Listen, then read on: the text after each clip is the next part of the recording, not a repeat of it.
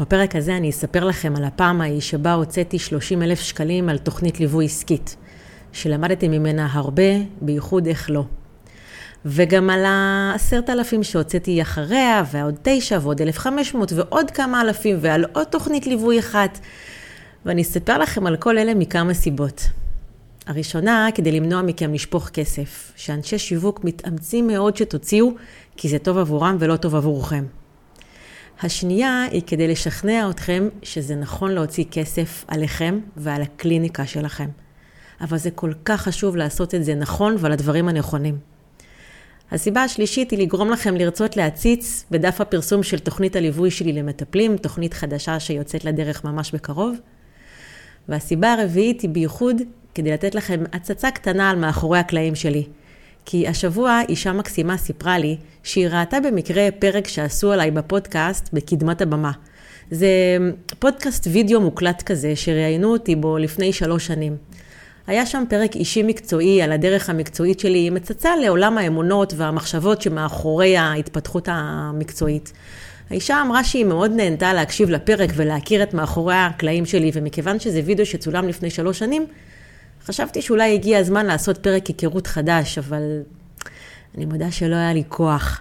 ניסיתי לאסוף בראש את כל האירועים שעברתי בדרך, שיכולים לעניין, שיכולים לתת השראה, שיהיה לאנשים משהו לקחת מכל הסיפורים האלה, וזה לא יצא מן חיים שכאלה, וככל שחשבתי על זה הבנתי שיש המון השראות בדרך שלי, הרבה סיפורים שאחרים יכולים ללמוד מהם, אבל על תוכנית הליווי הזו שבה הוצאתי 30 אלף שקלים על העסק שלי, את זה אני חייבת להשמיע.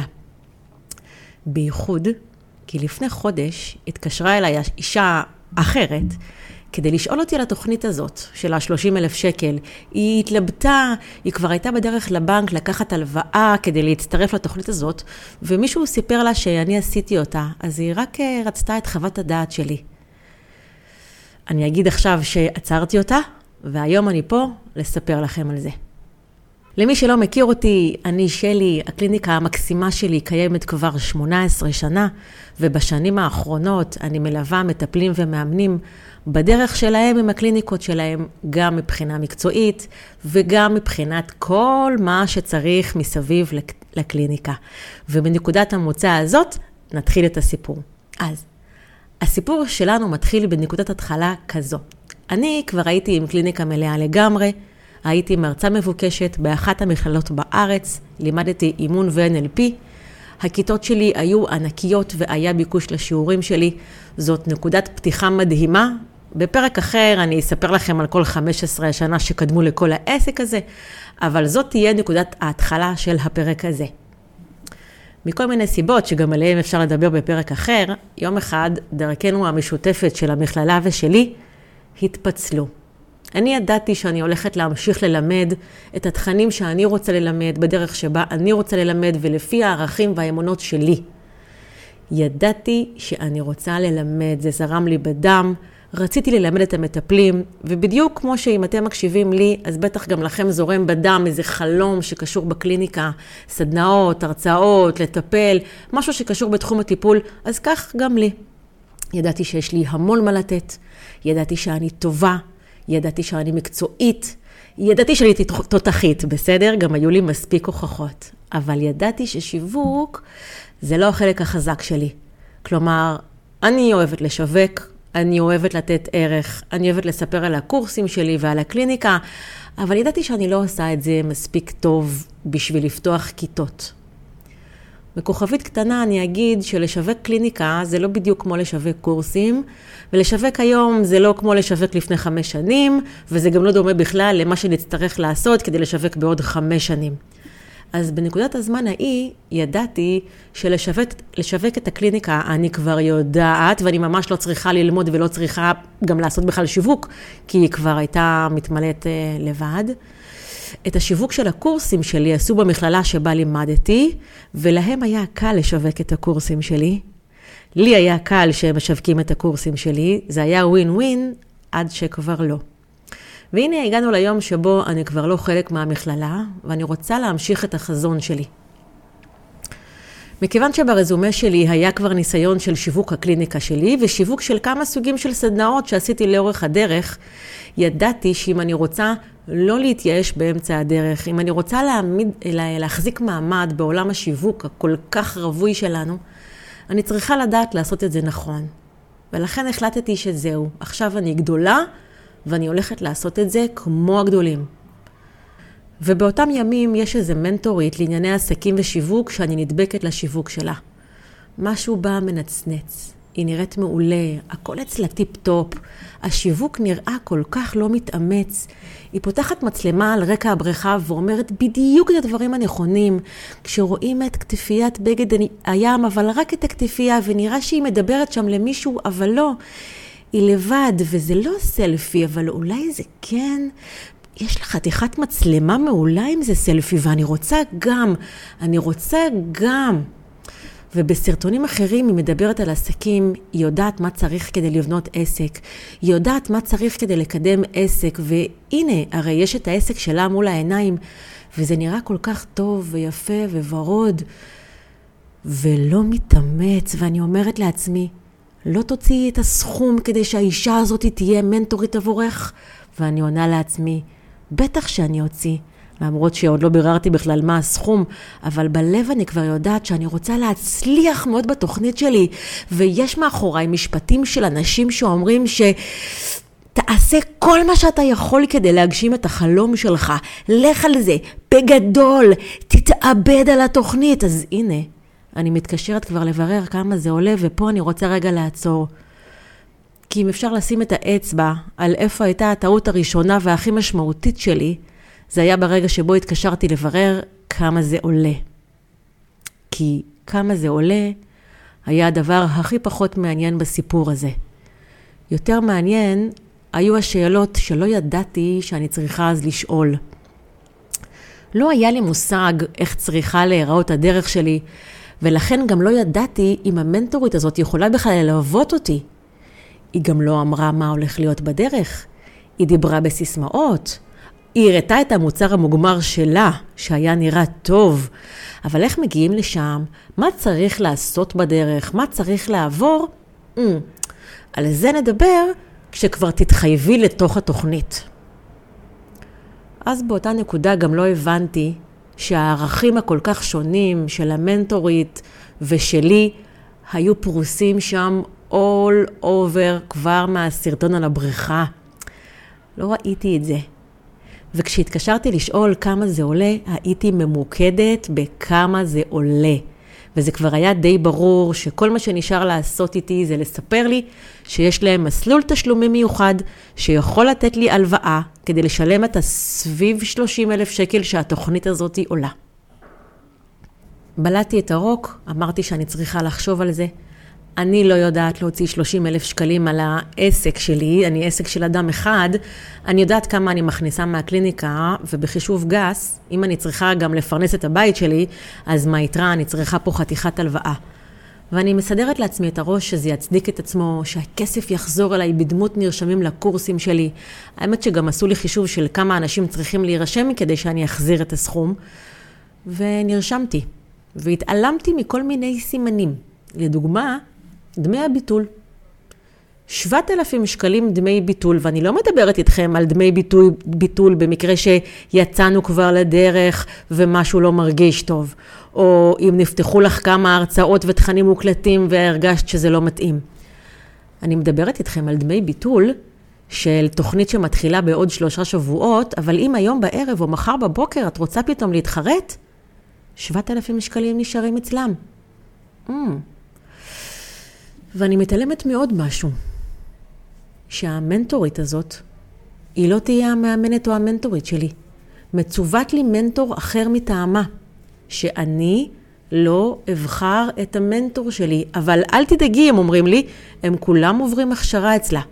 במילים אחרות, כל המנטורים שעובדים אצלה הם או שכירים, או אנשים שבכל מקרה אין להם עסקים משל עצמם, והם הולכים להיות המנטורים שלי. ואני לא ראיתי את הבעיה בזה באותו זמן. אז אני מבינה שהיא לא תהיה המאמנת שלי, אבל אני יוצאת לתוכנית, כי פעם בחודש יש איזשהו מפגש פרונטלי, שבו נפגשים כל משתתפי התוכנית, משתתפי התוכנית, וגם היא. אז אני יוצאת לדרך עם המאמן שצוות לי, ופעם בחודש בבוקר אני מניעה את האוטו שלי לתוך הפקקים הכי קשוחים של אזור המרכז, כי יש את המפגש הזה, ובכל אחת מהפעמים אני מגלה שעברתי את כל המסע המרגיז הזה, רק כדי לעשות mingling עם אנשים שלא מעניין אותי להתמנגל איתם, להרצאות בהתפתחות אישית ממישהי שלא בחרתי לשמוע ממנה הרצאות ואין לי מושג מי היא, ושהמנטורית שכל כך רציתי ללמוד ממנה, עולה לבמה ל-40 דקות בלבד ומדברת על איזשהו נושא, אבל היא לא מכירה אותי, היא לא רוצה להכיר אותי, היא אפילו לא עשתה לי לייק אף פעם לאף פוסט. היא עולה לבמה ל-40 דקות, אין זמן לשאלות, ומיד בתום ההרצאה תמשיכו לדבר ביניכם, אתם והאנשים והמנטורים. אז אחרי שלושה מפגשים כאלה הפסקתי ללכת. עכשיו אני רוצה להגיד לכם משהו על המנטור שהיה לי. היה לי מנטור מקסים, שעד היום אני מעריכה ואוהבת כאדם. יש לו חלומות קסומים, נפש של אומן, ואני עוקבת אחריו ורואה איך הוא מגשים את החלומות שלו. אבל יועץ עסקי ושיווקי, הוא לא. בכל מקרה, הוא הלך לפי התוכנית שנתנו לו, ובתוכנית הזאת די מהר הגיע הזמן שאני צריכה אתר. אתר? אני, אני עוד לא יודעת מה אני רוצה להגיד בו. אני עוד לא יודעת מי אני רוצה להיות. אבל הוא אומר לי שצריך אתר. אלה הפנים שלך. ואני לא כל כך רוצה עכשיו לעשות אתר, ואומרים לי שזה מאוד מאוד חשוב, אז אני אומרת, אני ככה שואלת, יש לך על מעצב להמליץ לי? והוא אומר לי, לא. אז חיפשתי ובסוף לקחתי מעצב שבנה לי אתר, כמה אלפי שקלים. איזה צבע את רוצה באתר? לא יודעת. איזה לוגו את רוצה? לא יודעת. את צריכה לדעת. מה את אוהבת? לא אוהבת. אני אוהבת ללמד, אני לא מבינה בצבעים, אני לא רוצה עיצובים, אני גם עוד לא למספיק זמן מלמדת בבית ספר שלי בשביל שאני אדע, אז אני לא יודעת. בסוף לקחתי איזה פלטה שנראתה די דומה לצבעים של הפלטה של המנטורית שלי. אחר כך, די מהר, הגיעו צילומי התדמית. צילומי תדמית, אני מדברת איתכם על כמה שנים אחורה, ואני עוד, זה שהתגברתי על פחד הקהל שלי והתחלתי להיות מרצה, זה בכלל שאפו עצום שאין כדוגמתו, אבל עם מצלמה בזמן הזה אני עדיין לא סידרתי את היחסים, ועכשיו הוא אומר לי שצריך צילומי תדמית. ואני דוחה את זה, ודוחה את זה, ודוחה את זה, אבל האתר לא יכול להתקדם בלי צילומי התדמית. והמעצב אומר לי, אי אפשר לשים בתוך האתר שלך את צילומי הסלפי שאת עושה. אז צריך לעשות צילומי תדמית, ואני שואלת את המנטור שלי, טוב, יש לך צלם להמליץ לי? והוא אומר לי שלא, ואני מחפשת מי יכול לשאת אותי כמצטלמת, וזה לא כל כך פשוט. בסופו של דבר אני פונה למצלמת, לצלמת מהאגדות, שמכירה אותי ואת התסבוכים שלי, והיא עושה את הכי טוב שאפשר לעשות איתי, באמת, היא מדהימה. ואני אגיד את השם שלה כי מגיע לה הכל. זו לינה מיארה, כי אם בא לכם צילומים, כדאי לכם איתה, ולינה לא אשמה בזה שאני לא הייתי מוכנה רגשית לצילומי תדמית. גם המנטור שלי לא אשם שאני לא מוכנה לצילומ... לצילומי תדמית. אף אחד לא אשם, רק אף אחד לא אמר לי שאפשר להמשיך עוד קצת עם הסלפי הפשוטים, שמקור הכוח שלי נמצא במקומות אחרים, ואפשר גם רגע לחכות עם האתר, ושלי, קחי את עצמך לעבודה, ושתהיי מוכנה, תצטלמי. אבל אמרו לי שעכשיו צריך, וזה מה שנכון, אז, צר... אז דחיתי ודחיתי, ובסוף עשיתי. והתמונות נהדרות דרך אגב, אבל זה היה יום מאוד קשה. רוצים לדעת כמה קשה? בבוקר הצילומים הגיעה הצלמת והביאה מאפרת שתסדר לי גם את השיער. אז המאפרת שאלה אותי מה אני רוצה, מה אני אוהבת, ואני לא ידעתי מה לענות. אמרתי לה, תעשי אותי יפה. זה קצת דומה למה שאמרתי למעצב האתר. והיא עשתה את מה שהיא חושבת, ועבדה על הפנים ועל השיער שלי, ואחרי שעה רציתי לבכות.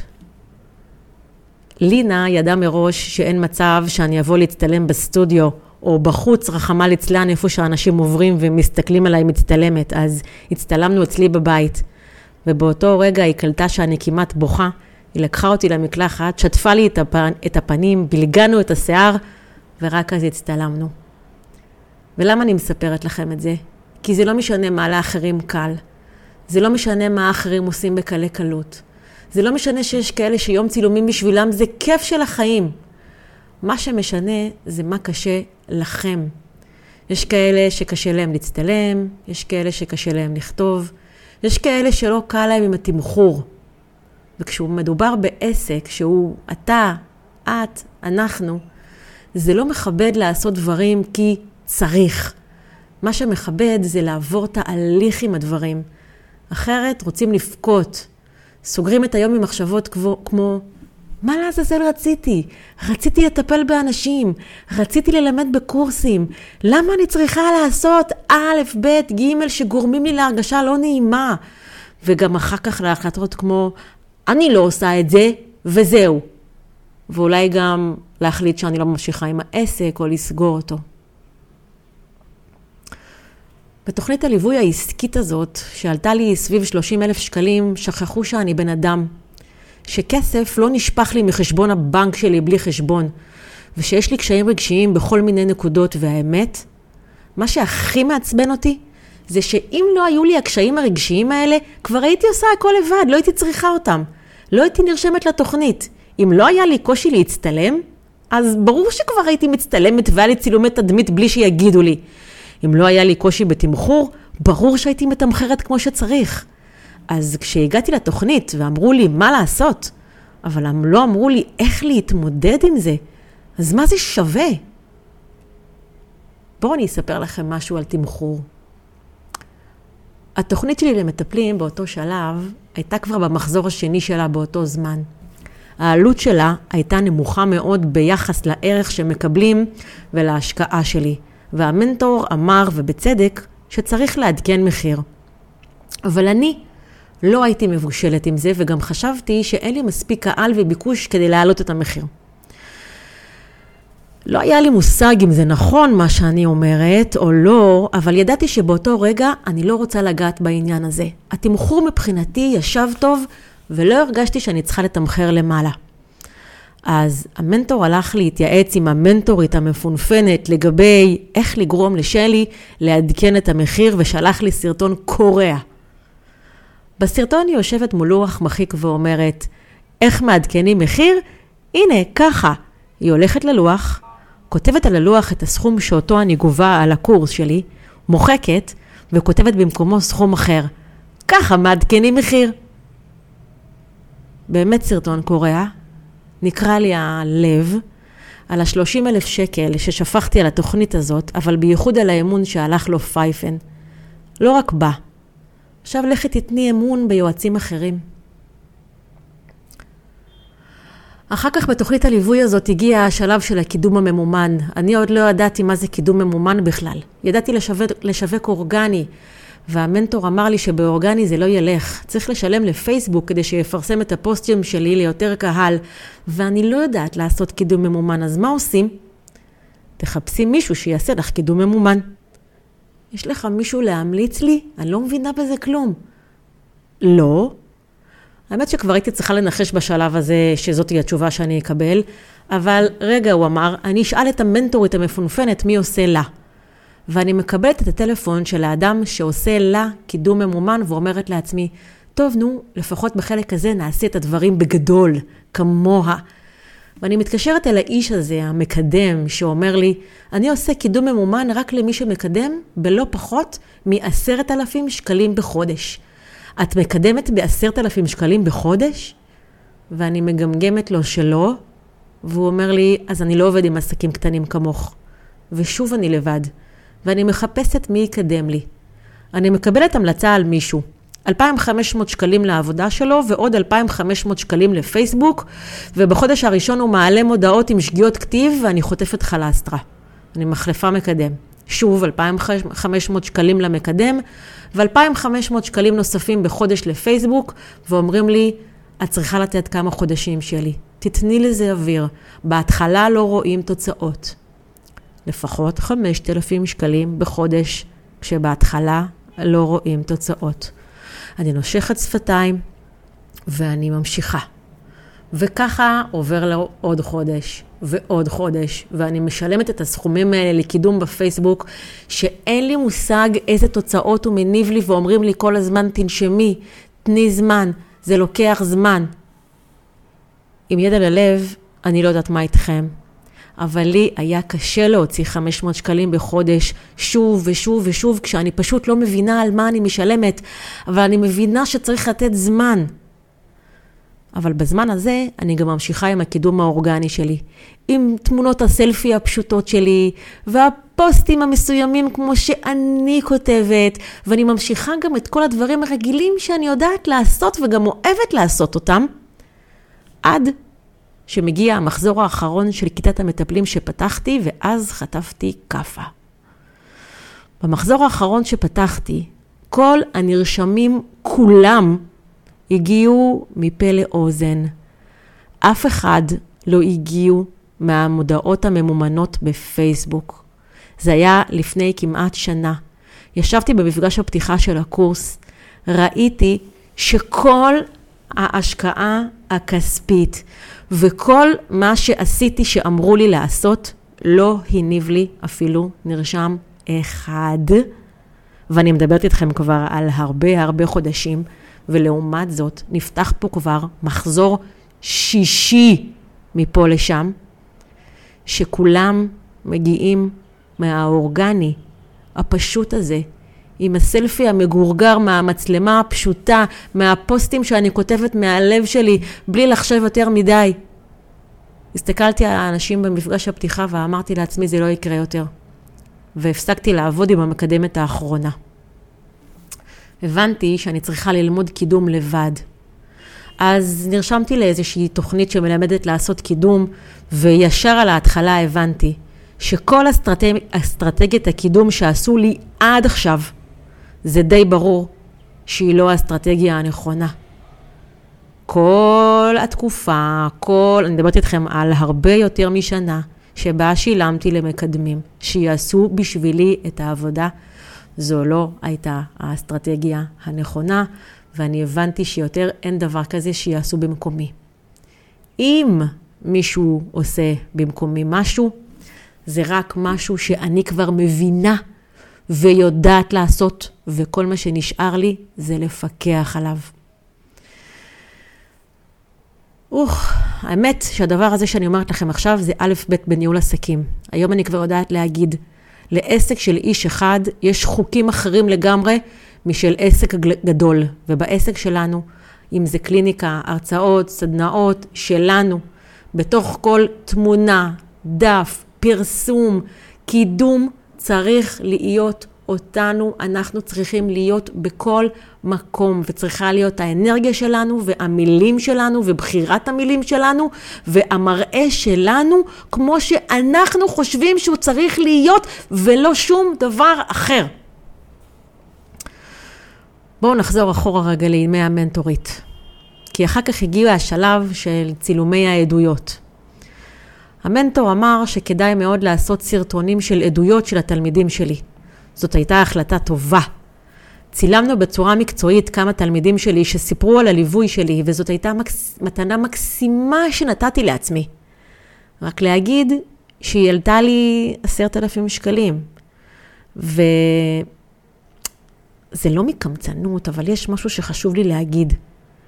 למה לא אמרתם בתחילת התוכנית שהתוכנית הזאת שעולה סביב 30 אלף שקלים, אבל כדי לעמוד במטרות שלה צריך לפחות עוד 20? הייתי כבר לוקחת הלוואה אחת נורמלית גדולה, ולא עוד אחת ועוד אחת ועוד אחת.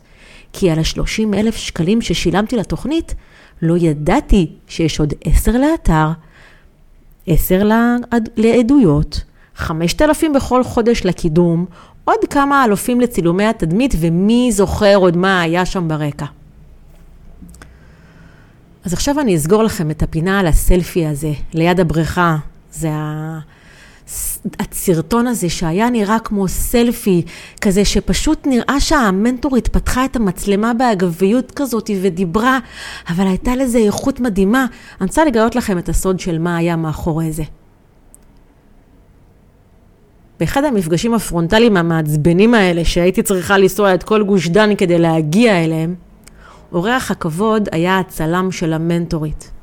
בחור מגניב ממש, שיש לו משרה מלאה. הוא הצלם של המנטורית. הוא מקבל את התסריטים שכותבת לה כותבת התסריטים ומארגן את ה setting. הם מצלמים בפעם אחת כמה סרטונים. רגע, אני אגיד את זה שוב, יותר ברור. הם בוחרים כל פעם לוקיישן מפונפן, שבדרך כלל הוא בכלל הוא בארץ. הם נוסעים לחו"ל לאיזה לוקיישן מפונפן ביחד. הוא מצלם אותה עם המצלמה המקצועית שלה ואחר כך עורך לה את הכל. הוא מצלם אותה במצלמה סופר מקצועית של צלמים סופר מקצועיים, ובואי, שלי, גם את יכולה. נכון, גם אני יכולה. אבל מתישהו מגיע השלב שבו צריך להגיד לי בכנות, ועדיף לפני ההצטרפות לתוכנית, רוצה שזה ייראה כמו שלי? תוסיפי צלם לעסקה. ולא לתת לי הדרכה מצולמת של איך לעשות סלפי הכי יפה שאפשר. כי אם יש משהו שאסור שמנטורים יעשו, זה לא להיות walk the talk. זה הכי גרוע.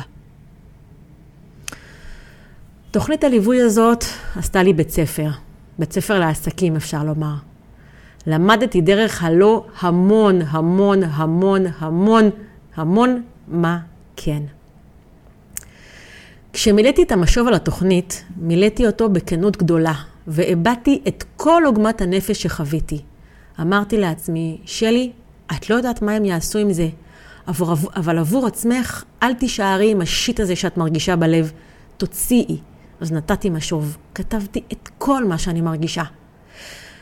עד היום עברו כבר כמה שנים ועדיין לא חזרו אליי עם התייחסות, זה בסדר, גם מזה יש מה ללמוד, וגם לקחתי לעצמי שתי החלטות. הראשונה, שבלי לפרסם שמות ולעשות שיימינג, אני אזהיר את מי שאני יכולה מהתוכנית העסקית הזאת ומתוכניות שמתנהגות בצורה הזאת. כואב לי מאוד לראות אנשים שנופלים בפח הזה כשהם מנסים להגשים את החלומות שלהם ורוצים לעשות טוב בעולם. וההחלטה השנייה הייתה לוודא שתוכניות הליווי שלי מתנהגות אחרת. אז הנה מה שהחלטתי לגבי תוכניות הליווי שלי. אחד, אין ולא יהיו מורים אחרים במקומי. כשאני מלמדת, זו אני. אם מישהו בחר ללמוד איתי, אם מישהו בחר להשקיע את הזמן והכסף שלו בללמוד ממני, הוא יקבל אותי. לא מישהו שהכשרתי, מישהו שלימדתי, או מישהו שמאפשר לי לשכב על שפת הבריכה בזמן שהכסף ממשיך לזרום לי לחשבון הבנק. שתיים, אין תוכנית ליווי שלא מוקדש בזמן להתמודדות עם פחדים וקשיים רגשיים שצריכים להחזיק בתוך תוכנית עסקית. לפני כמה שנים חבר שהוא מאמן עסקי אמר לי, אין דבר כזה אימון עסקי. יש אימון רגשי לבעלי עסקים. וזה נכון, וזה הדבר היחיד שנכון. בתוכניות שבהם לא יודעים להתמודד עם חששות, אמונות מגבילות, במקום שבו לא יודעים לכבד קצב של קושי, או מקום שבכלל לא חושב על הדברים האלה, לא כדאי לכם להיות. אז תסתכלי, תסתכלו טוב, טוב, טוב בסילבוס או בתוכניות של מה שאתם הולכים לעבור. בכוכבית קטנה, בתוכניות שלא אומרים לכם מראש מה אתם הולכים לעבור, מה אתם הולכים ללמוד, איזה אמצעים אתם, הולכים, אתם צריכים בשביל לקיים את התוכנית, אל תתחילו אותם. שלוש, בכל תוכנית שמבטיחים לכם תוצאה, מבטיחים לכם משהו שלא יכולים לעמוד בו. לא יכולים. יגידו לכם שזה אתם לא יכולים לעמוד, יגרמו לכם להרגיש שאם אתם רק תעשו את כל מה שצריך לפי התוכנית, אתם גם תגיעו לתוצאה, וזה בעיה שאתם לא עושים את כל הדברים. התוכנית מבטיחה לכם את תוצאה שאתם גם יכולים להגיע אליה, וזה מה שלמדתי. לדייק מאוד מאוד את ההבטחות שלי, גם בקליניקה וגם בתוכניות הליווי, ולוודא שאני מבטיחה ליווי ולא מבטיחה תוצאות. בדף הפרסום של תוכנית הליווי שלי הכנסתי סעיף שלם של מה שאני מבטיחה, הלוואי, הלוואי, הלוואי שתלכו להציץ שם. אבל לא עכשיו, בסוף הפרק. ארבע, אנשים בתחילת הדרך שלהם ממשהו, עסק, קליניקה, דיאטה, אימוני ריצה, חוג צילום, לא הוגן להגיד להם לרכוש ציוד יקר. זה נכון שמייקל פלפס רץ עם איזה נעליים מהסוג הכי משובח, אבל אנחנו לא מייקל פלפס, כלומר, אנחנו נהיה. אם אנחנו נרצה, אנחנו נהיה. אבל כרגע אפשר לגמרי להתחיל להתאמן עם הנעליים שיש לנו בבית. ואחד העקרונות שלקחתי לעצמי כמי שמלווה אנשים, זה לאפשר להם לגדול לאט, להתפתח. להתחיל עם מה שיש, להתחיל עם מה שיש, לעבוד עם מה שיש, לממש את הפוטנציאל של כל מה שקל ובהישג היד, ורק אחר כך לעבור לדברים שהם יותר גדולים, יותר יקרים, ודורשים השקעות יותר גדולות. לפעמים אומרים, אם אתה רוצה להיות כמו הגדולים, תתנהג כמו הגדולים, או תרכוש את הציוד שיש לגדולים, או תעשה בגדול כמו הגדולים. אז אני למדתי על הבשר שלי, שאם אתה רוצה להיות כמו הגדולים, תסכים לגדול, להיות בתהליך של גדילה. ובייחוד תלך לגדולים, לברר כמה זמן לקח להם וכל מה שהם עברו כדי להגיע לרגע הזה של הפריצה הגדולה. אז אם נחזור לענייננו, אני החלטתי ולקחתי על עצמי למנוע מאנשים לשפוך כסף על תוכניות ליווי שלא מתאימות. מה הכוונה לא מתאימות? לפני כמה שנים ליוויתי אישה שהגיעה אליי לקליניקה לאיזשהו ליווי אחרי יועץ עסקי כלשהו. היא כתבה ספר בתחום ההתפתחות האישית ורצתה לקדם אותו. היועץ אמר לה שלקדם אותו היא צריכה לעשות הרצאות. וכדי לעשות הרצאות, היא צריכה שיהיה לה מספיק תוכן וערך כדי לעמוד על במה. אז היא צריכה ללמוד דברים שקשורים בתחום ההתפתחות האישית והטיפולים. אז היא למדה. והוא אמר לה שהיא צריכה לפתוח קליניקה, כדי שיהיה לה בשר בסיפורים ותוכן להרצאות. אז היא פתחה. והוא אמר לה שהדרך הכי טובה לעשות כסף בקליניקה, זה לקחת מראש אנשים לסדרות של 12 מפגשים בעלות של 6,000 שקלים, והיא עשתה. היא לא ידעה מה לעשות עם האנשים בכל 12 המפגשים האלה, והיא לא ידעה אם היא יכולה לתת את כל הערך המצופה מהמפגשים האלה, וככה היא הגיעה אליי, שאעזור לה מקצועית בתהליכי הליווי שלה. אז דבר ראשון אמרתי לה, להפסיק עם הסדרות, וגם לשנות את ההבטחות, וגם המלצתי לה בחום להיפרד מהיועץ העסקי. זה נכון שכשהיא הגיעה אליי, כבר חמישה אנשים הסכימו לשלם לה את ה-6,000 שקלים לסדרה האלה. הסכימו לשלם לה את זה.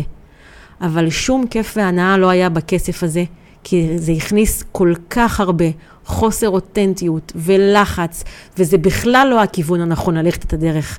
זה מהסוף להתחלה, לדעתי. בכל מקרה, כשיוצאים לדרך באיזה תוכנית ליווי, המנטור צריך להקשיב טוב טוב לאדם שמבקש ליווי לפני שיוצאים לדרך ולהגיד לו בכנות את כל מה שהוא יודע שיידרש לאורך הדרך. אם צריך וחייבים מצלמה של מקצוענים, להגיד את זה מראש. אם המנטור התחיל עם סלפי פשוט ולקח לעצמו תקופה עד שהוא מצא את הצדדים החזקים שלו שהוא מצטלם ועד שהוא הרגיש בנוח סביב מצלמה ורק אחר כך כשהוא כבר עשה המון המון סרטונים הוא עבר לצלם מקצועי להגיד את זה. אם לפתוח קליניקה עצמאית זה דורש שיווק, צריך להגיד את זה. לא להגיד שצריך רק ידע וכלים, צריך להגיד, להגיד שקליניקה דורשת שיווק. אני למשל מהמרת שחלק גדול מהאנשים שמסתובבים בקורסים של טיפול ואימון, אם בזמן ההרשמה לקורס היו אומרים להם, אם אתה באמת רוצה לעבור עם, הילד, עם הידע שלך לשלב של קליניקה, תצטרך לשווק, אני מאמינה שחלק מהאנשים האלה היו עושים אחורה פנה. ואם היו אומרים להם, אתה תצטרך לשווק, ואני גם אלך איתך את הדרך הזו, הם היו חוזרים. אבל כשלא אומרים לאנשים שהם יצטרכו לעשות שיווק, זה קצת לא הוגן.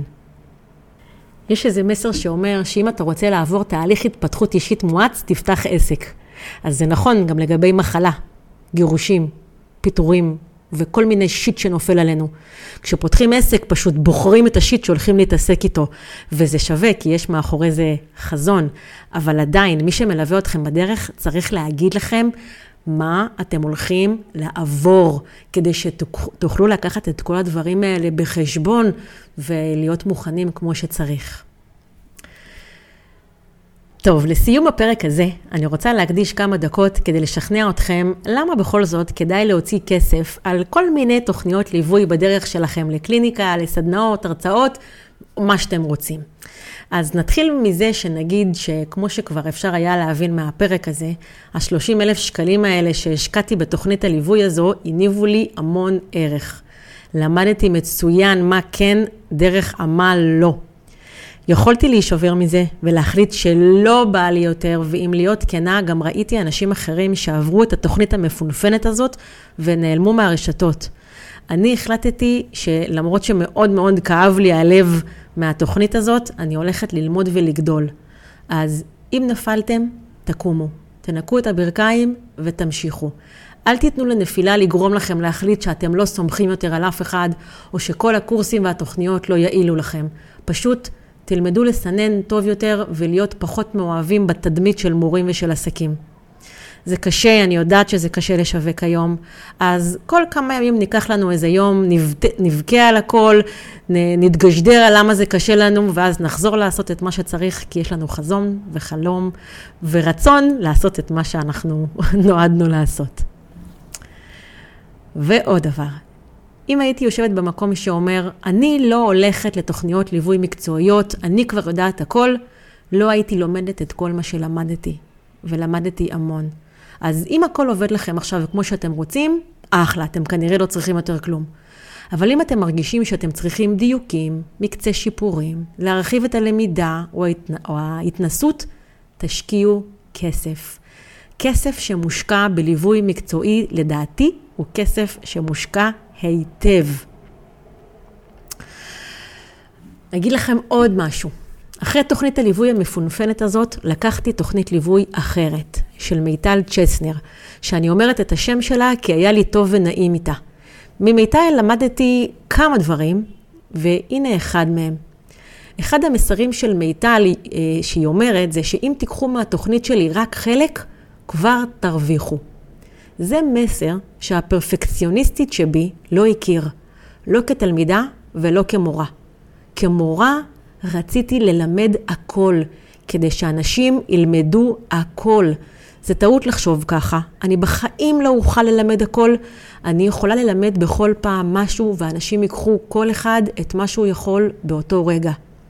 וגם כתלמידה, אי אפשר לקבל הכל. לא משנה מה נותנים לך. כשנות, גם כשנותנים לך את המנה הקטנה ביותר, ביותר, עדיין, אם יש אמונות מגבילות, קשיים שלא עובדו, חוסר פניות רגשית או כל מיני בעיות אחרות, לא תוכלי לקבל הכל, אבל תוכלי לקבל דברים. ולקבל דברים זה שווה, ודברים שווים לפעמים עולים כסף. האמת, כשלמדתי ממיטל, גם הרגשתי שלא את הכל אני רוצה לקבל.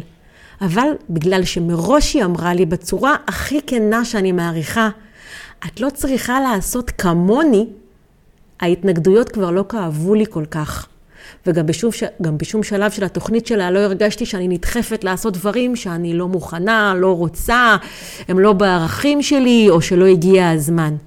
אז האמת היא שממיטל, יותר משיווק, האג'נדות, האג'נדות שלמדתי ממנה הפכו אותי פשוט למורה טובה יותר. אם להיות כנה, אחרי שתי תוכניות ליווי גדולות יחסית שלקחתי, אני לא מרגישה שאני איזו תותחית שיווק. הכיתות שלי לא מתמלאות ברגע שאני מפרסמת אותן, למרות שזה משגע לי את השכל, כי היום, אחרי כמה וכמה מחזורים של כיתות מטפלים, אני כבר יודעת מה הכיתות האלה שוות. אני רואה את האנשים שעוברים את הקורסים, כמה הם לומדים, מה הם מרוויחים, והם גם לא הולכים, הם נשארים איתי לעוד ועוד קורסים. אבל השיווק, אני לא תותחית בשיווק. אבל אני לא הולכת לשפוך יותר עשרות אלפי שקלים על מורים לשיווק, וגם לא על אנשים שיקדמו את העסק במקומי. בייחוד כי כל עשרות אלפי השקלים האלה זה פצע בלב. לא רק בכיס.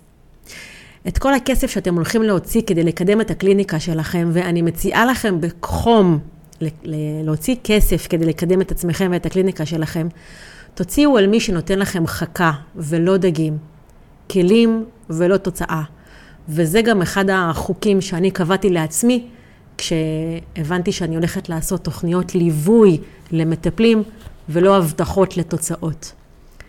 אז אחרי כל מה שאמרתי עד עכשיו, נדמה לי שעכשיו זה זמן ממש טוב לספר לכם שארזתי את תוכנית הליווי שלי, פותחים קליניקה, שהיא תוכנית ליווי למטפלים ומאמנים, באריזה חדשה, בעלות חדשה, בגישה חדשה, ושכדאי לכם מאוד לשקול לבוא ולעבור איתי תהליך. אני צודקת?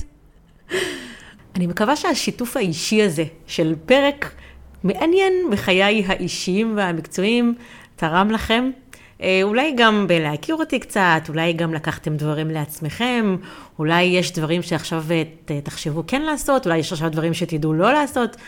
אני מקווה מאוד שהצדקנו את הזמן הזה שהקדשתם לי. בכל מקרה, הגענו לסיום הפרק הזה, והנה הבקשות שלי לסיכום הפרק הזה. אם אתם רוצים לדעת מי המנטורית המפונפנת, אל תשאלו, כי אני לא אגיד לכם את השם. אבל אם יש לכם מחשבות על מנטורית מסוימת ואתם רוצים לדעת אם זו היא, כי שקלתם ללמוד איתה, או כי למדתם איתה ונפגעתם ואתם רוצים לדעת שאנחנו מדברים על אותה אחת, או אם ממש עכשיו אתם מתלבטים אם לצאת לדרך עם איזו מנטורית ואתם רוצים לדעת אם זו היא, אתם יכולים לכתוב לי את השם שלה. אם זו היא, אני אגיד לכם שכן. אבל לא ניסוי וטעייה כזה של כמה שמות, כי המטרה היא לא לעשות שיימינג ולא להעביר ביקורת על מנטורים. אני באמת חרטתי על דגלי לחסוך לאנשים אה, לצאת לדרך בתוכנית הליווי הזאת, אבל אני לא במקום של לעשות שיימינג. אז פשוט תכתבו לי, תשאלי, תשאלו אותי, זאת היא, ואם כן, אני אגיד לכם שכן. שתיים, אם יש אנשים שאתם חושבים שהפרק הזה יכול להועיל להם, אני אשמח מאוד אם תעבירו אותו הלאה ותשתפו. אני חושבת שהפרק הזה יכול להועיל להרבה מאוד אנשים. שלוש, אם יש לכם שאלות, בקשות, הצעות ורעיונות על הפרק הזה, או על פרקים אחרים, אתם מוזמנים כמו תמיד לכתוב לי, וגם לספר לי מה לקחתם מהפרק. זה תמיד עושה לי נעים, וגם חשוב לי לדעת מה עובר מהפרקים שלי לאחרים. וארבע, לסיום, סיומי, שהוא בעצם הכי הכי חשוב, נגיד תודה רבה לכל האנשים שעכשיו הם חיילים ששומרים עלינו ומאפשרים לי להקליט אה, פודקאסט ולכם לשמוע אותו. בתפילה ענקית שהם והאנשים החטופים בעזה יחזרו אלינו עכשיו.